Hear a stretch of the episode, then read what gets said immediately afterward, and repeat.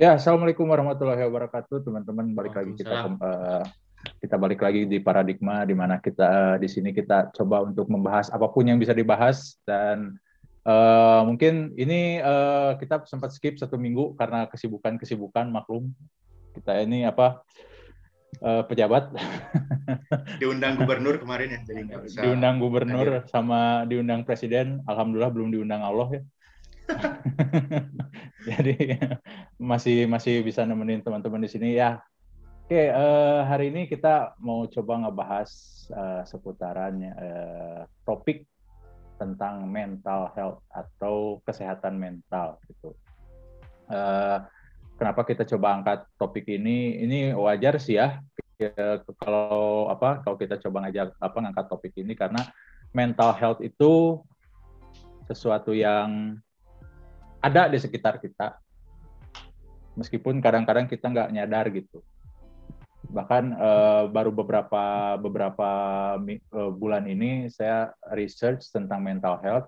Ternyata manusia di atas umur 20 sampai 20 30 itu mereka punya apa punya masalah masalah mentalnya masing-masing. Ya mungkin ada yang ada yang kentara gitu kelihatan uh, apa ya jadi apa ya jadi kelihatan di kehidupannya sendiri. Tapi ada yang mental health-nya itu eh, apa ke, ke kesehatan mentalnya itu terganggu di hal yang kecil. Contohnya yang paling gampang deh kayak OCD kayak apa ya ya banyak banyak lah yang banyaknya kayak gitu. Nah itu itu sebetulnya salah satu dampak dari dari apa bukan gangguan mental ya. Kalau gangguan mental itu kita konotasinya ke langsung ke orang-orang yang benar-benar udah kelihatan banget gitu. Tapi uh, apa itu lebih ke apa keadaan mental kita uh, akibat dari akumulasi pengalaman kita di masa lalu. Nah, untuk kali ini kita ngundang nih uh, tamu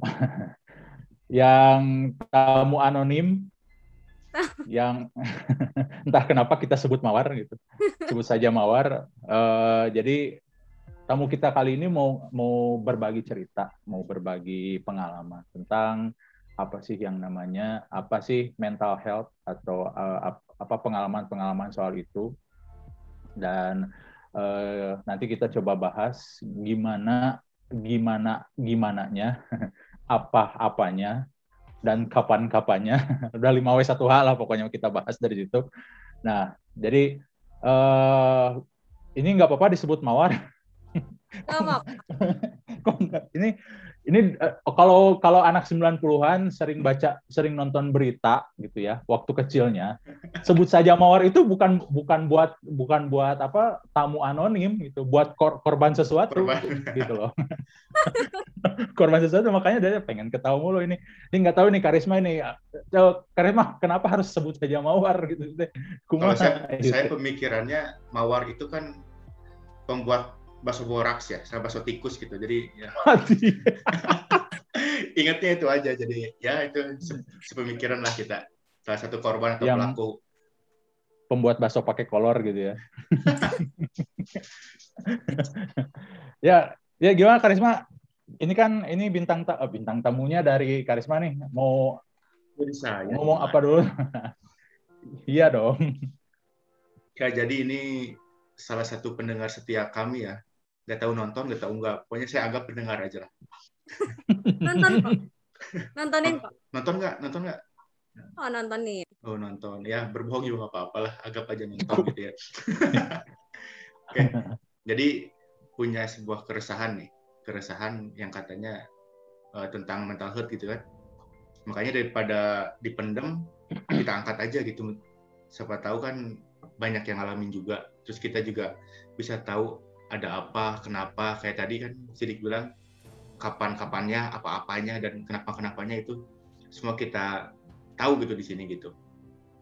Daripada dipendam jadi penyakit, nggak enak gitu, lebih baik keluarkan saja.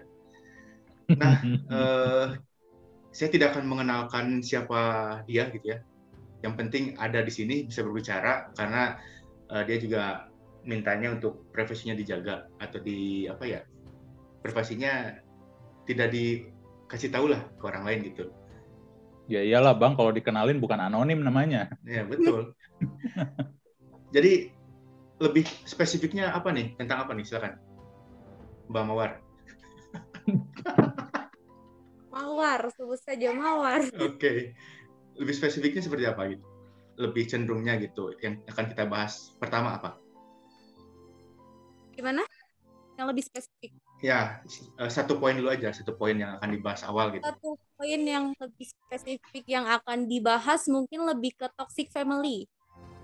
Oh, berat sekali ya. Oh, berat.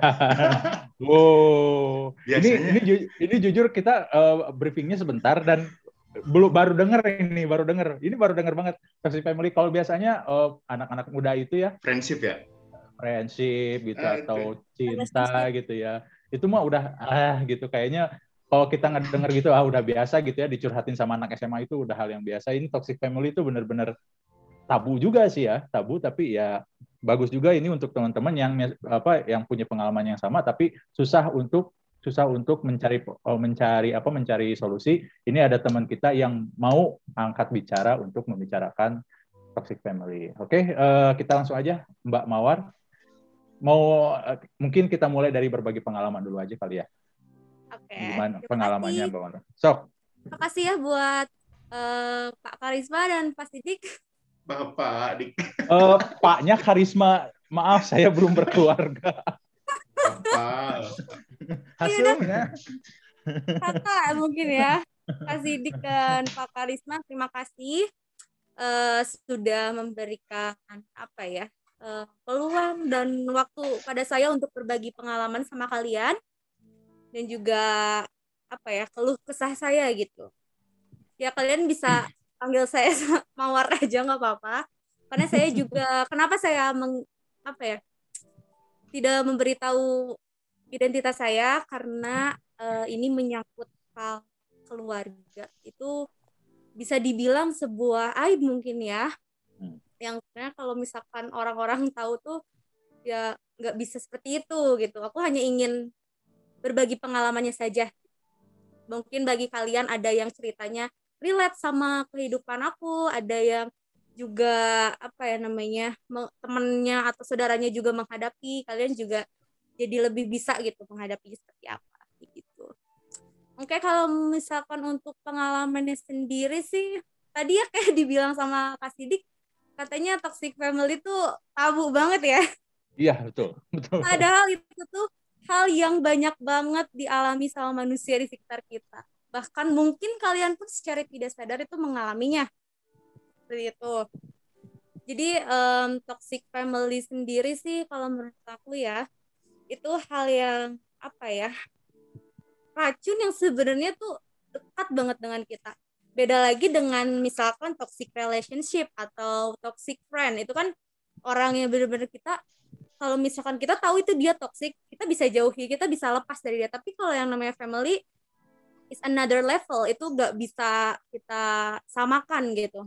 Bagaimanapun juga eh, mereka punya hubungan darah dengan kita seperti itu kan nggak ada yang namanya bekas ayah nggak ada yang namanya bekas ibu apalagi nggak ada yang namanya bekas anak itu nggak nggak mungkin kan. Nah eh, ini tuh mungkin hal yang apa ya sebenarnya berat banget ya. Kalau untuk keluarga gitu. Nah mungkin kalian juga ada yang mengalaminya seperti itu. Hal dari hal yang sekecil dan sesepele itu sampai hal yang terberat gitu yang dialami. Kalau aku sendiri sih dari uh, toxic family-nya tuh dari uh, ibu, dari ibu aku. Nah, mungkin kalau alhamdulillahnya gitu ya, aku bukan berasal dari keluarga broken home. Ayah ibu aku alhamdulillah baik-baik saja. Juga aku anak pertama dari ketiga bersaudara.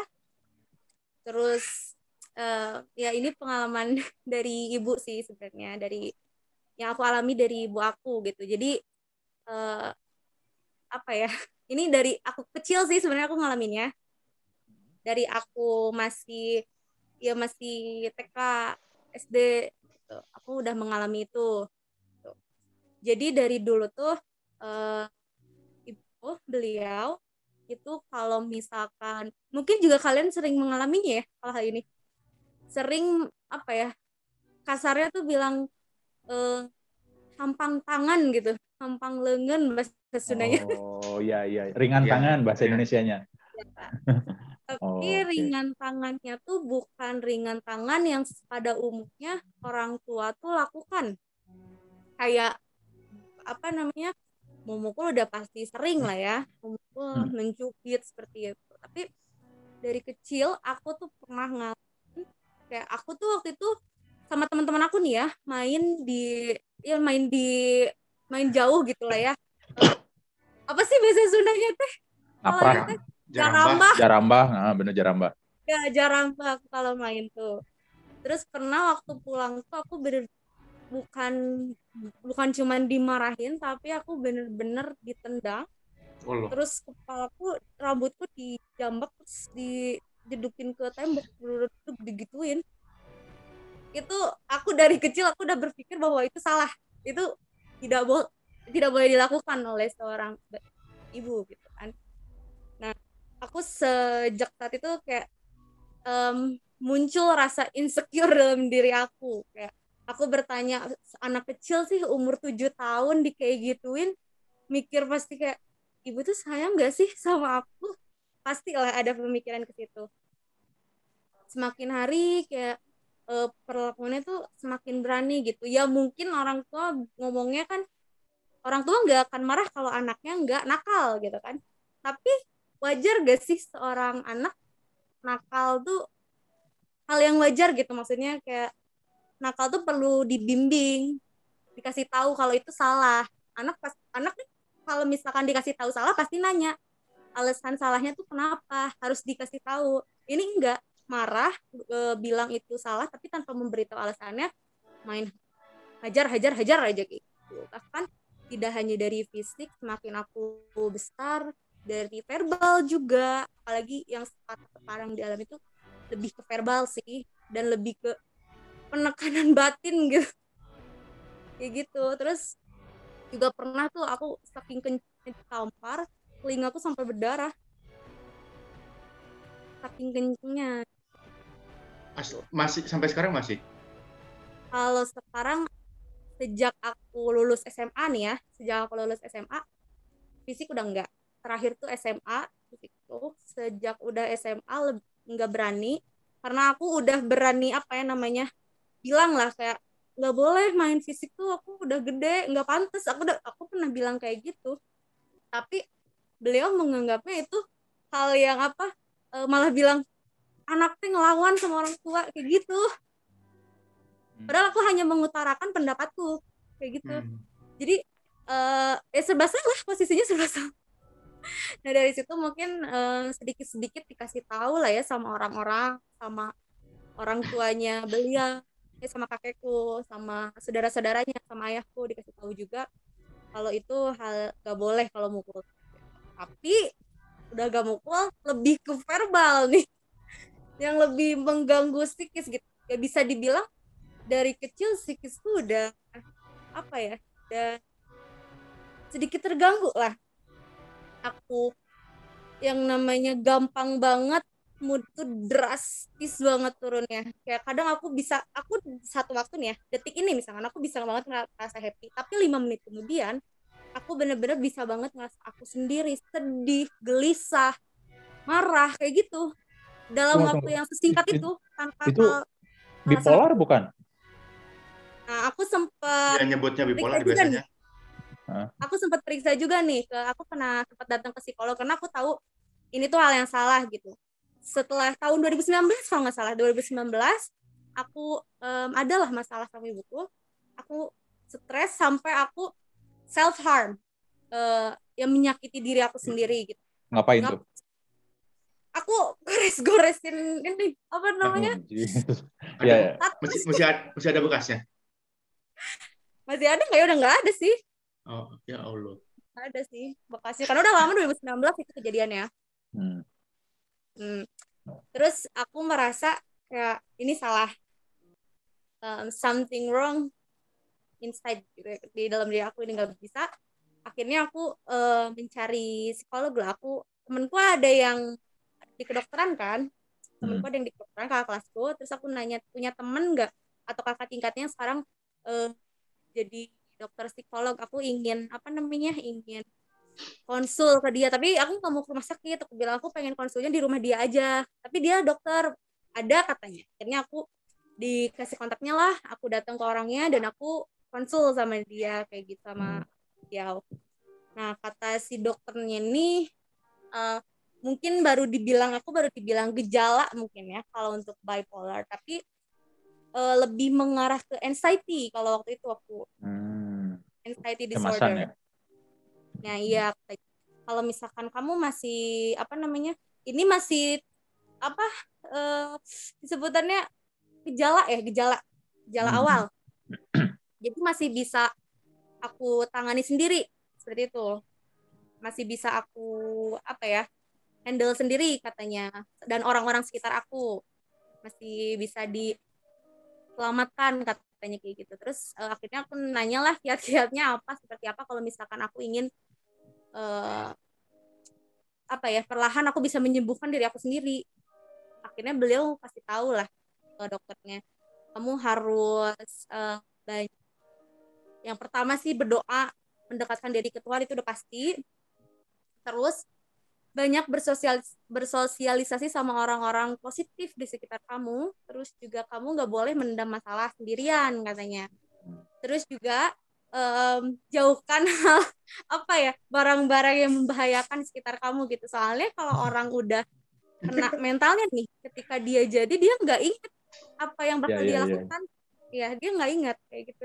Makanya sejak dari situ uh, aku coba dulu deh katanya. Sebulan dua bulan kamu uh, eh, self healing dari kamu sendiri aku harus coba traveling aku harus uh, melakukan hal-hal yang aku suka dan bisa menenangkan pikiran aku katanya gitu. coba jauhkan hal-hal yang toksik dari hidup kamu katanya nah hmm. uh, dan kebetulan pada saat itu yang apa ya yang aku bukan cuma mengalami toxic family tapi juga mengalami toxic relationship sekaligus. Makanya aku sampai kayak bener-bener itu di titik drop banget.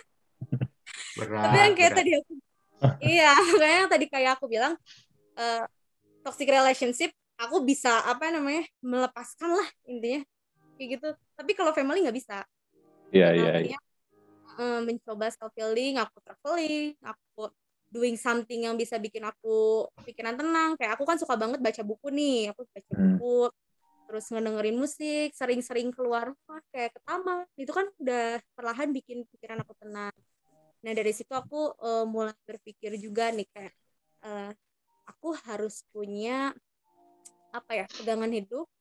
Aku harus punya uh, apa ya sebutannya prinsip lah. Prinsip yang bisa bikin aku tuh kalau misalkan ketika aku jadi nih aku nggak harus melakukan hal-hal yang membahayakan diri aku gitu. Aku mulai di situ banyak berpikir mengolah cara pandang aku pikiran aku. Dan dokternya udah bilang kalau misalkan dua bulan ke depan kamu masih mengalami ini dan makin parah kamu harus ke psikiater katanya. Kamu harus diobati. Itu udah uh, masuknya ke tingkat parahnya gitu. Alhamdulillahnya sih sejak dari situ aku udah mulai pikiran ini pikiran tenang. Di situ aku jarang di rumah tuh. Nah semakin aku jarang di rumah ibuku kayak mau apa ya kan emang ibuku tuh strict parents ya kan sebutnya kalau ayah sih enggak ayah ayah baik-baik aja ayah enggak seperti itu. Ibuku karena ayah kan kerja kan jarang di rumah. Ibu yang lebih sering di rumah lah. Ibuku tuh e, termasuk orang yang strict parent. Jadi lebih banyak mengekang aku gitu kayak mulai dari misalkan nih ya pulang sekolah waktu zaman sekolah nih ya. Aku kan ikut banyak kegiatan di sekolah untuk apa ya biar aku tuh gak di rumah gitu. Iya iya iya. Iya aku ikut SKL kayak sebelum jam 4 sore tuh udah diteleponin di mana? Kayak gini harus video call harus bener-bener kayak difotoin sama siapa aja. Pulang jam berapa kayak bahkan telat semenit dua menit pun itu pulang tuh udah kayak di interview HRD ras diposesifin ya? Ya benar-benar posesif kalau untuk hal itu aku mikirnya mungkin kayak ya mungkin orang tua eh, khawatir wajar. Apalagi aku anak cewek kan. Hmm. nggak mau hal-hal itu terjadi. Cuman ya kalau terlalu berlebihan itu salah. Cuman aku sebenarnya memaklumi sih kalau untuk masalah itu. Cuman yang nggak aku terima tuh yang kalau udah main fisik terus apalagi verbal. Nah terus pernah lah yang pas udah aku mulai pikiran tenang aku tuh pulang malam karena aku di rumah temen aku waktu itu tuh dan hujan pulang malam dan ketika aku pulang ibu tuh marah-marah lempar barang terus ngomong bilang aku kayak gini ini pakai bahasa Sunda nggak apa Nggak apa-apa, nggak apa-apa. Spanyol juga boleh, Spanyol silakan. Channel kita masih regional kok. Kira-kira bilang kayak gini, uh, bilang kayak gini, balik puting kena si gajablay gitu. Oh iya iya. Padahal itu masih jam setengah sepuluh kalau nggak salah setengah sepuluh malam. Dan aku udah bilang bakal pulang telat. Aku udah bilang juga ke papa aku ini hujan kayak gini gini gini. Udah bilang. Kayak di telepon pun uh, buru balik katanya buru balik sana ayo nak pas nyampe rumah ya dikatain kayak gitu ya aku sakit hati banget lah kayak astagfirullah aku bilang e, kok orang tua aku seberani itu gitu ngomong gitu sama aku. Dan kebetulan ngomong kayak gitu nggak depan ayah sih. Kalau misalnya depan ayah ya pasti ibuku kena lah sama ayah terus aku oh. nangis. Di situ aku mulai ngerasa uh, aku gelisah gitu. Ngerasa aku nggak berguna ngerasa aku pengen banget nih aku pergi dari rumah. Tapi aku nggak bisa gitu. Kayak aku lihat adik aku gitu. Wah pokoknya aku bener-bener pengen banget nih mati gitu bawahnya. Ah, sampai kayak gitu aku aku sampai ini aku kan aku kamar di atas kan di lantai dua. Hmm. loncat aja gitu dari balkon terus aku mikir-mikir kayak tapi ini biaya eh apa ketinggiannya tuh nggak nggak terlalu tinggi aku gak akan mati. Aku harus loncat dari mana biar mati? Paling paling tipe litek cina litek kan malu ya mati enggak sakit badan iya gitu kita tuh memikirkan sampai akhirnya aku uh, curhat lah. Aku tipe orang yang emang jarang banget curhat masalah pribadi ke orang lain. Jarang banget kecuali itu sahabat aku yang bener-bener deket banget. Itu pun kehitung lah orang yang biasanya aku cerita masalah aku tuh. Dan akhirnya aku butuh aku merasa aku butuh seseorang nih. Aku butuh orang yang bisa aku uh, apa ya istilahnya bisa aku ajak diskusi yang aku bisa mencurahkan ceritaku. Akhirnya aku hubungi teman aku teman aku datang dia nenangin aku benar-benar kayak udah katanya uh, jangan nggak usah dipikirin rumah aku aja katanya. Ini aku ditenangin aku teman aku dikasih tahu lah uh, apa ya gak, jangan sampai memikirkan hal seperti itu gitu kan. Bahaya untuk diri sendiri. Kenapa apa iya. oh kamu mati pun katanya kamu bukan masuk surga kan? Gitu. iya sih ya konyol. Iya konyol. nah, terus udah kayak gitu aku nggak melakukan itu tapi itu jadi beban pikiran untuk aku. Sampai pada akhirnya aku uh, mulai sakitnya tuh ke fisik. Dari situ aku mulai sering sakit-sakitan mulai stres tuh. Mulai apa ya ya pikiran udah mulai kacau sering banget aku uh, waktu itu di sekolah tuh pingsan. Sering banget hmm. sampai Pingsa, pingsannya karena apa itu? Sampai apa uh, drop fisik banget gitu? iya ngedrop. Badan tuh sering banget lemas kepala tuh sering banget kayak kepala belakang tuh kayak ditimpuk batu gitu loh kayak oh stres ya gejala gejala stres ya gejala iya kayak gitu. Mata tuh sering banget berat perih ah, kayak gitu kan pokoknya. Apalagi aku kan ada anemia ya kan? Ada kurang darah. Hmm. nah pada akhirnya aku mulai inilah kayaknya ini fisik aku udah nggak bener. Aku harus periksa nih ke dokter. Aku mulailah periksa ke rumah sakit ke dokter umum. Sampai periksa dokter umumnya ngerujuk aku harus ke penyakit dalam awalnya ke rumah sakit lain ke penyakit dalam. Aku udah ke ke rumah sakit yang dokter penyakit dalam dokter penyakit dalam. Waktu itu nge EKG aku tes EKG hmm. Tes EKG itu tes e, jantung hmm. hasilnya hasilnya aku ada kebocoran nih di jantung aku oh kebocoran ya. kebocoran di ya. jantung iya Akibat? Ya. Akibat? Akibat? Aku aku nggak tahu nih ya. Waktu aku nanyain ini karena dari kecil katanya kayak gitu kamu kecilnya prematur ditanya kayak gitu sama dokter e, enggak dok aku enggak prematur. Cuman setahu aku aku waktu lahir tuh cuma 2,3 kilo kalau nggak salah. Tapi aku 9 bulan 9 bulan tuh. Mama hamil aku tuh 9 bulan. Cuman aku berat badannya emang apa ya bayinya 2,3 kilo kecil lah kecil banget. Dan mungkin nggak tahu jantungnya belum sempurna atau kayak gimana gitu. Dan aku juga di situ ada aritmia. Jadi itu aritmia tuh sak penyakit apa ya trikakardia kelebihan irama jantung. Hmm. Oh. Ya, ya. Wow. mungkin bapak guru olahraga lebih tahu gitu Nah itu betul betul. Ya, eh, gini, lima menit lagi kita kita akhiri. Ini kan eh, tadi udah membahas apa yang dialami ya. Nah, tapi kita belum membahas apa yang setelah itu dilakukan. Nah, mungkin di eh, selanjutnya di part 2 kita akan bahas apa saja yang sudah dilakukan sampai sekarang ya saya anggap kuat lah, udah jadi wanita kuat seperti ini gitu kan. Nah, ya Sidik silakan tutup part satu. Ya nanti kita ketemu lagi apa ke, apa karena ini adalah acara dengan modal yang sedikit. Gratisan. Makanya kita harus apa harus membagi segmen kita sesuai 40 menit karena Zoom kita belum berbayar. Ya, jadi nanti kita ketemu lagi di segmen kedua di mana kita akan ngebahas uh, apa cerita dari Mawar ini ya. Jadi uh, kita cut dulu di sini, kita break dulu sebentar, nanti kita balik lagi di uh, part berikutnya. Oke. Okay. Oke, okay, terima kasih. Uh.